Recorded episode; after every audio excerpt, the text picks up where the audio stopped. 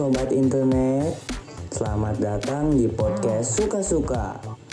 Podcast yang dibuat dengan suka-suka dan semaunya. Yang penting kalian suka. Saya Osama Ridwan yang akan menemani kalian di podcast Suka-suka. Assalamualaikum warahmatullahi wabarakatuh. Ini adalah podcast pertama saya. Ini saya ditemani dengan teman saya yang jauh-jauh datang nih dari Lampung ke Jogja cuma buat podcast ini. Nggak nggak bercanda. Dia lagi holiday di Jogja. Ya udah, aku suruh buat bantuin tugas ini aja. Diperkenalkan, silahkan. Siapakah ini? Baik, halo sama Halo, San. perkenalkan nama saya Iksan, sobat Osama dari Lampung, Eh, Anjay, sobat. yang khusus datang membantu Osama, Eh, nggak bercanda bercanda. Holiday ya, holiday sambil apa mah? Ya, nggak tahu lah bilang apa. Pokoknya udah sehat aja langsung ke sini buat bantuin tugas. Gimana San? Sehat? Alhamdulillah sehat. Osama gimana? Alhamdulillah ya sehat-sehat adalah. Uh, disclaimer dulu ini. Ini Iksan adalah teman saya yang dari Lampung. Dia seorang mahasiswa di UIN Raden Intan ya San? Iya benar benar. UIN Raden Intan. Dia juga mempunyai sebuah ya usaha dibilang usaha kecil-kecilan lah. Sebuah pembuatan kue. Coba San, ceritain dulu gimana sih awalnya kok bisa kepikiran gitu dengan kue gitu. Awalnya ya gara-gara pandemi ini mengisi waktu luang, Nah, mikir gini nih, karena suka apa namanya kuliner, hmm. nyoba awal pertama kali itu nyoba jualan gara-gara aplikasi TikTok. TikTok. TikTok ada tuh di FYP keluar kan jualan apa brownies dan ya iseng-iseng nyoba pertama nyoba ngetes ke saudara-saudara teman-teman Ah. kok dibilang enak makin percaya diri dong ya makin percaya diri Lanjut itu. lanjut mulai beranikan diri mau endorse. Ah. ada selebgram yang di Lampung Tengah. Nyoba di review sama dia. Eh kok banyak yang tertarik gitu. Ah.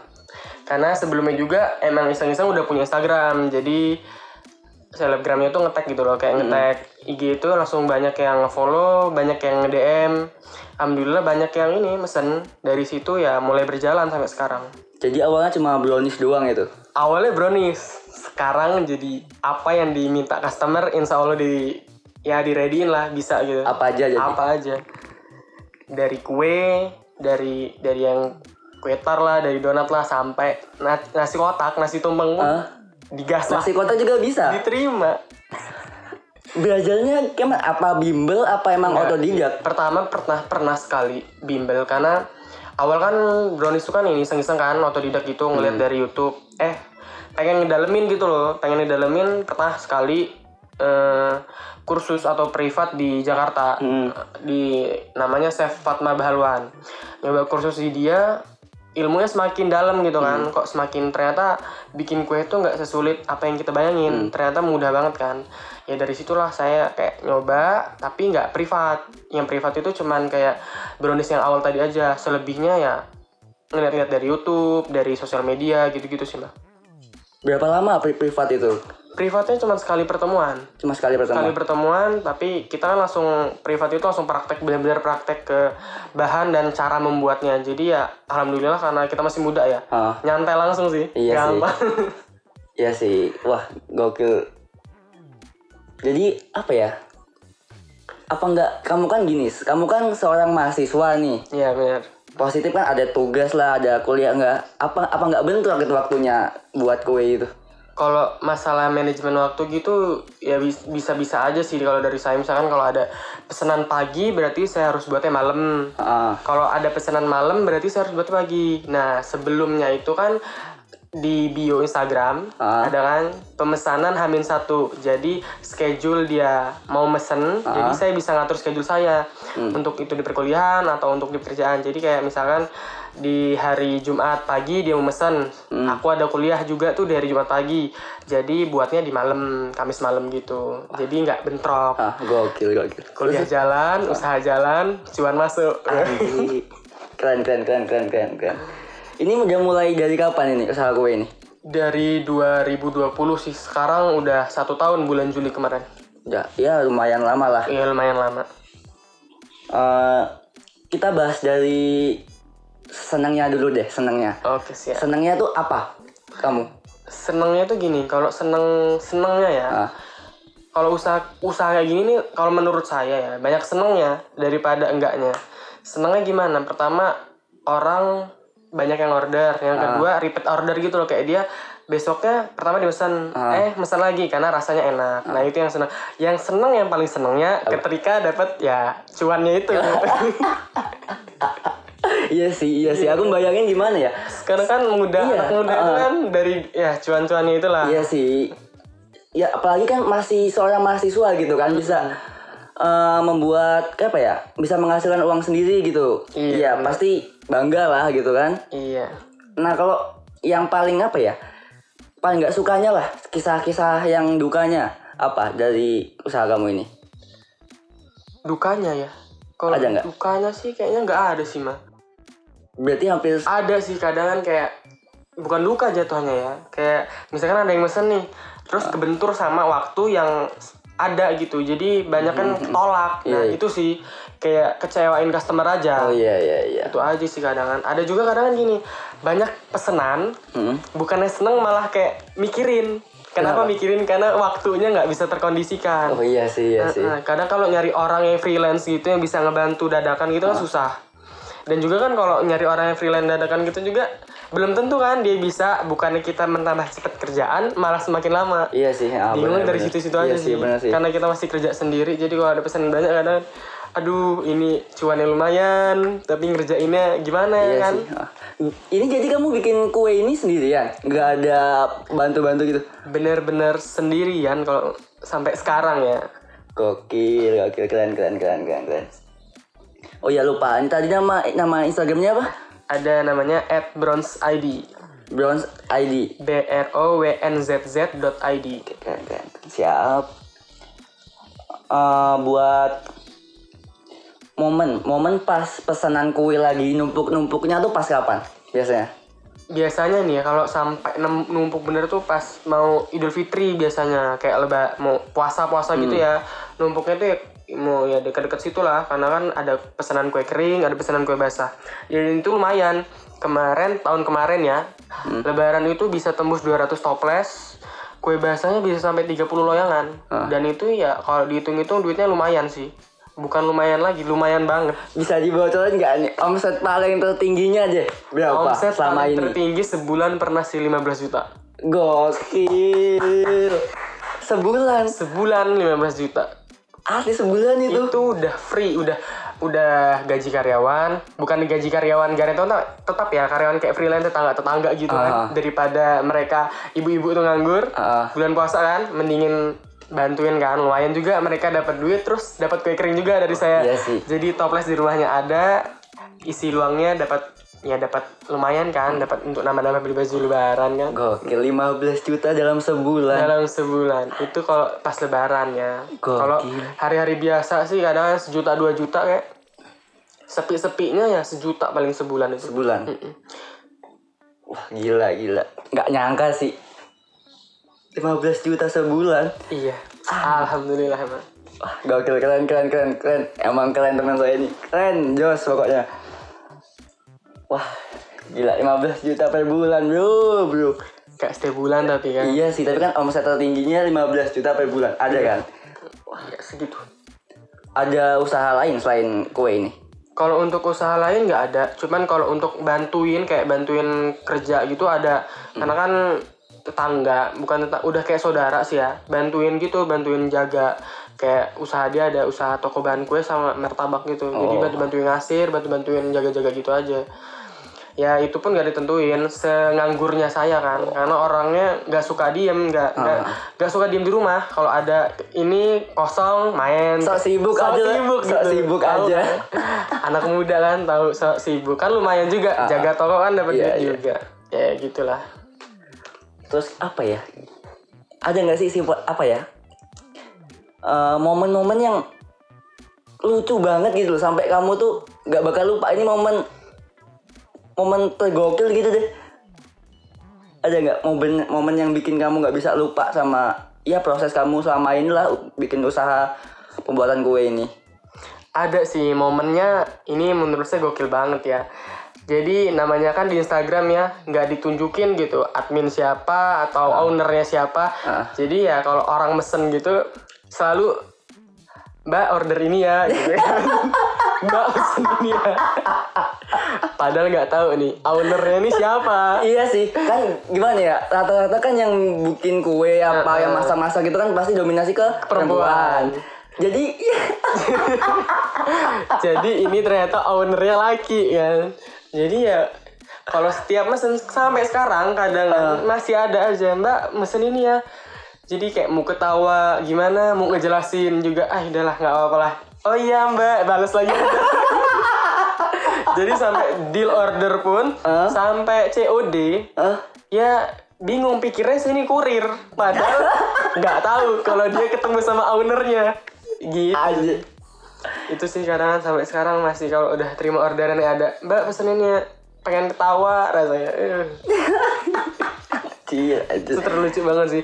Padahal udah padahal udah sering saya ngejelasin kayak kayak di snap snap Instagram gitu kan. Perkenalkan nama saya Iksan saya owner dari Brand ID jadi besok besok kalau mesen jangan panggil mbak lagi ya. Tapi kadang ada yang mungkin ya terlalu tidak terlalu memerhatikan snap Instagram nggak detail gitu. Kok ada nih ngapain mas ini apa mbak ini majang foto mas mas? Padahal nggak tahu kalau yang majang itu ya ownernya. Ya itulah saya di foto itu. Kadang ya begitulah orang kan Iya lucu sih kadang-kadang. menurut saya itu lucu banget itu kalau udah ada orang yang tahu pasti ketawa itu pasti ya Allah Iksan dipanggil mbak ya. Aduh gak nyangka sih. Gimana ya bayanginnya ya?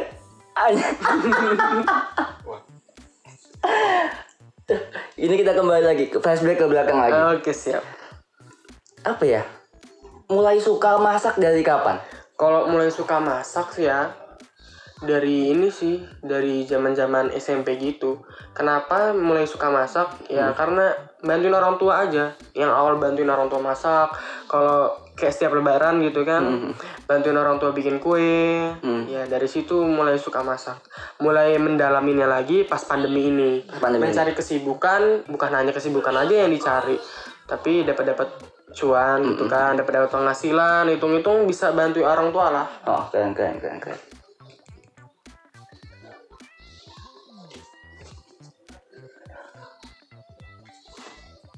Nah gini, ibuku ini pertanyaan ini ibuku nih. ya Waktu itu ibuku tuh pernah bikin roti tuh. Tapi ibuku bilang tuh rotinya tuh nggak mau ngembang. Nah itu tuh faktornya apa? Pertama itu faktor dari ragi Ah. biasanya ragi yang dipakai itu udah nggak berfungsi lagi Ah. misalkan ibumu udah pernah nih raginya itu dalam kemasan dia beli masih kemasan bagus Hmm. dipakai karena kan kalau ragi itu kan ada takarannya kan ada gram-gramnya jadi kalau untuk setengah kilo itu mungkin 5 gram Mhm. nah karena dalam satu bungkus itu 10 gram jadi setengahnya dong nah setengahnya lagi di dibiarin nah dari sedangkan ragi itu nggak bisa di suhu udara udah sudah udara gini udara bebas gini harus di suhu ruang harus tutup harus tempat yang tertutup. Dan dari situlah Ra, mungkin adonannya tidak mengembang. Oh. dan yang kedua biasanya ini suhu dari ruangan misalkan kalau kita buatnya malam itu prosesnya lebih lama proses pengembangannya. Atau kalau dari istilah baking sih namanya proofing. Jadi dia suhunya lembab jadi ya proses proofingnya lama. Mungkin ibunya sama nggak sabar ya Oh, kan? iya mungkin ini udah jamnya ya kok belum ngembang-ngembang. Bukan dari situ hitungannya tapi dari lihat dari rotinya aja. Kalau dia sudah sudah ngembang sudah mulus sudah bagus itu bisa digoreng atau dipanggang. Tapi kalau dia masih masih basah masih ke- apa sih? Masih kayak adonan awal nggak ngembang-ngembang itu biasanya lebih lama lagi kadang saya pernah proofing atau masa pengembangan itu sampai dua jam. Karena itu saya bikin malam kan malam kan dingin nih suhunya Ah, ah. sedangkan saya belum ada alat proofingnya jadi agak prosesnya agak lama gitu. Bukan dia nggak ngembang. Kalau raginya bagus ya. Ah. kalau raginya yang kayak kata saya tadi yang sudah kena suhu udara bebas gitu mungkin itu faktor dari ragi. Selebihnya ya nggak ada. Selebihnya ya kadang kan mungkin lupa ngasih ragi jangan-jangan. Iya sih iya sih. Bener bener bener jadi faktor malam atau siang itu menentukan juga ya? Menentukan bener menentukan sangat. Kadang saya siang Hah? itu proses proofingnya cuma setengah jam. Proses- Dan bisa dipanggang. Bayangin. Berarti kan wak cahaya atau suhu itu sangat membantu dalam proses pengembangan kue. Nih untuk teman-teman tadi proofing itu apa? Biar untuk teman-teman yang nggak tahu proofing tuh proofing itu bahasa bakingnya proofing itu pengembangan apa proses pengembangan kue. Oke. Jadi itu yang harus didiemin harus Oh, itu prosesnya harus diemin sampai ngembang baru bisa. Kalau donat kan digoreng kalau roti Hmm. dipanggang kalau bakpao dikukus. Nah itu kita harus nunggu harus ada namanya proses proofing Hmm. agar dia bisa mengembang sempurna. Baru kita bisa proses selanjutnya. Ah, berawal dari brownies. Sekarang udah apa? Macam-macam kue kue apa sekarang yang dibuat? Sekarang banyak sih permintaan apa aja insya Allah bisa saya bisa saya buatin. Yang sekarang ini yang udah saya buat dari brownies ya pertama ada pizza ada donat ada cupcake ada kue tar lapis legit kue kering. Habis itu banyak lagi lah bahkan nasi kotak sampai snack bento aja digas. Ada yang pernah mesen rengginang kalau rengginang kayaknya itu bukan kue. makanan ringan sih. Lebih ke ma- makanan ringan. sama teman ada yang gabut kan iseng-iseng mesen rengginang gitu ada gak Belum saat ini belum ada sih. Kayaknya nggak mungkin juga. Aduh gokil gokil gokil. Untuk ke depannya nih, apa mau nambah usaha lagi yang selain kue atau mau mau buka restoran atau eh, kok restoran sih apa sih sebut- sebutannya kalau kue gitu? Outlet biasanya. Nah, apa mau buat begitu apa gimana? Gimana? Kalau untuk saat ini untuk saat ini ya udah mulai saya kepikiran bahkan kemarin udah mulai berapa ya dua bulan lalu tuh sudah menggebu-gebu pengen buka outlet di pinggir jalan gitu kan langsung buka toko mau nyoba-nyoba gitu kan mana tahu mana tuh berhasil. Tapi kan semua itu kan harus dipertanyakan juga sih sama orang tua keputusannya gimana. Bagus enggak cuman kan orang tua nyaranin. Sebaiknya ya online dulu. Apa maksud maksudnya jualan online dulu aja lah. Karena kan masih kuliah. Kalau udah kelar kuliah nanti udah wisuda baru nyoba buka di pinggir jalan jadi lebih fokus kalau sekarang kan fokusnya Iya bagi dua Ah, benar, benar. kuliah usaha kuliah usaha kalau bisa ngebalance dulu lah yang stabil stabil aja yang nggak ganggu kuliah yang nggak yang nggak ganggu usaha Iya, gitu gitu sih. Nah, aku pengen tahu nih. Tadi kan orang tua kan. Nah, pas kamu bilang nih ke orang tua kamu kalau kamu mau bikin usaha kue, tanggapan awalnya apa sih orang tuamu tuh? Kalau tanggapan awalnya sih ya mungkin karena orang tua itu udah percaya sama anak Heeh. jadi ya ngedukung aja nggak nggak nggak terlalu dilarang-larang nggak terlalu yakin nggak yakin nggak gitu nggak Jadi support lah ya, support full. banget sih support banget kalau orang tua tuh support banget bahkan saya pernah yang kursus yang tadi yang di awal yang Hmm. cerita tadi yang di Jakarta itu orang tua tuh support banget ya kalau bisa disimak bener katanya kan Hmm. kalau orang kalau chefnya ngejelasin disimak jadi jauh-jauh dari Lampung ke Jakarta itu nggak sia-sia Mm-mm, benar, benar, ya mungkin saya bisa bisa kayak gini bisa jalan usaha kayak gini kalau bukan dari doa orang tua kan nggak mungkin Iya sih, benar-benar. pasti ada doa dari orang tua juga Oke, oke, oke. Buka khusus kue juga? Apa nggak cuma pembuatan kue doang? ya alhamdulillah ada orang yang percaya atas ilmu saya untuk dibagikan ke mereka Keren, ya keren, keren. kenapa enggak kan Iya sih. Iya, dan itu juga kan bukan sia-sia bukan ngajar iya sih. ngajarin aja Ah, benar, benar, benar. ya lumayan dapat dapat seberapa lah lumayan Dari hobi bisa jadi cuan. dari Wah, hobi keren, bisa keren. jadi cuan Keren, keren. Ta- Tapi rata-rata ibu-ibu kan pasti. Rata-rata ya ibu-ibu sih. Kalau laki itu belum ada juga, belum ada. Iya, tapi ya jarang sih ya laki-laki. Ya makanya tadi itu kalau mau pas sering banget kan orang mau pesen manggilnya Mbak. Mbak karena Ya, itulah. berpikir ya mindset masyarakat kan kalau orang yang pinter bikin kue itu kayak perempuan gitu kan. Ah. Padahal kalau mau riset sekarang ini chef itu banyak kan laki-laki. Iya sih bener-bener. Banyak kan laki-laki, jujur aja daripada perempuan sekarang ini. Ah, Karena kenapa banyak laki-laki? Karena laki-laki itu fokusnya nggak mencabang. Kalau perempuan tuh kan fokusnya banyak. Misalkan dia lagi bikin kue, fokusnya ke anak, Iya fokusnya sih, ke pekerjaan rumah, fokusnya ke mana-mana. Kalau laki itu biasanya fokusnya titiknya satu. Kalau kita ngerjain satu, salah satu itulah fokusnya. Karena otak laki-laki sama otak perempuan kan beda. Iya sih bener-bener. Kerjanya itu beda. Kalau perempuan ini otak kerjanya lebih lebih cepat dibandingkan otak laki-laki. Jadi kalau dibilang lebih bagus mana ngerjain teliti mana dari perempuan ke laki menurut saya karena saya bukan karena laki juga ya Ah. ya lebih ini laki lebih apa sih lebih telaten gitu Oh, loh iya, lebih iya. perfect kalau ngerjain apa apa Iya sih, kadang-kadang kan kalau perempuan ya banyak pikirannya. banyak pikirannya Tergantung mood si ceweknya juga kadang-kadang bener, kan ya. bener banget karena apa Kadang-kadang. moodnya cewek itu kan up in down kan. Iya sih, kadang apalagi naik pas kadang lagi turun. high kan, gitu kan kadang kan niat nih bagus nih bahan udah terkumpul udah setengah perjalanan tiba-tiba mood hilang gara-gara anak nangis itu mood Bener sih, jadi aduh yang terpanggangan udah 10 menit dipanggang ini bisa sejam angus Iya sih bener bener bener bener. Kalau laki kan biasanya fokusnya satu. Kalau udah ngejalanin satu, udah nggak mikirin yang lain. Hmm. Iya Biasanya sih. itu dari pengalaman saya sih. Bener bener bener. Ya kita doain saja lah. Semoga usahanya Iksan ini bisa buka outlet tadi itu yang diinginkan, yang ingin Amin, dicapai amin. setelah lulus ya San ya. Amin, Semoga saja lah. Insya Allah, semoga aja jalannya mulus. Amin amin amin. Nih untuk anak pesan lah pesan pesan untuk anak-anak muda sekarang ya yang yang mahasiswa khususnya atau masih pelajar yang mau buka usaha kecil-kecilan ya untuk uang sampingan buat uang-uang jajan kos lah biasanya gimana? Ya sekarang kalau mau buka usaha, ya apa salahnya gitu loh kalau nggak nyoba kan? Kalau kita nggak nyoba, kita nggak tahu kita tuh bakatnya di mana. Karena setiap manusia itu pasti dia punya basic, tapi dia tuh ini loh nggak berani ngungkapin basic dia. Jadi dia nggak tahu basic dia tuh di mana.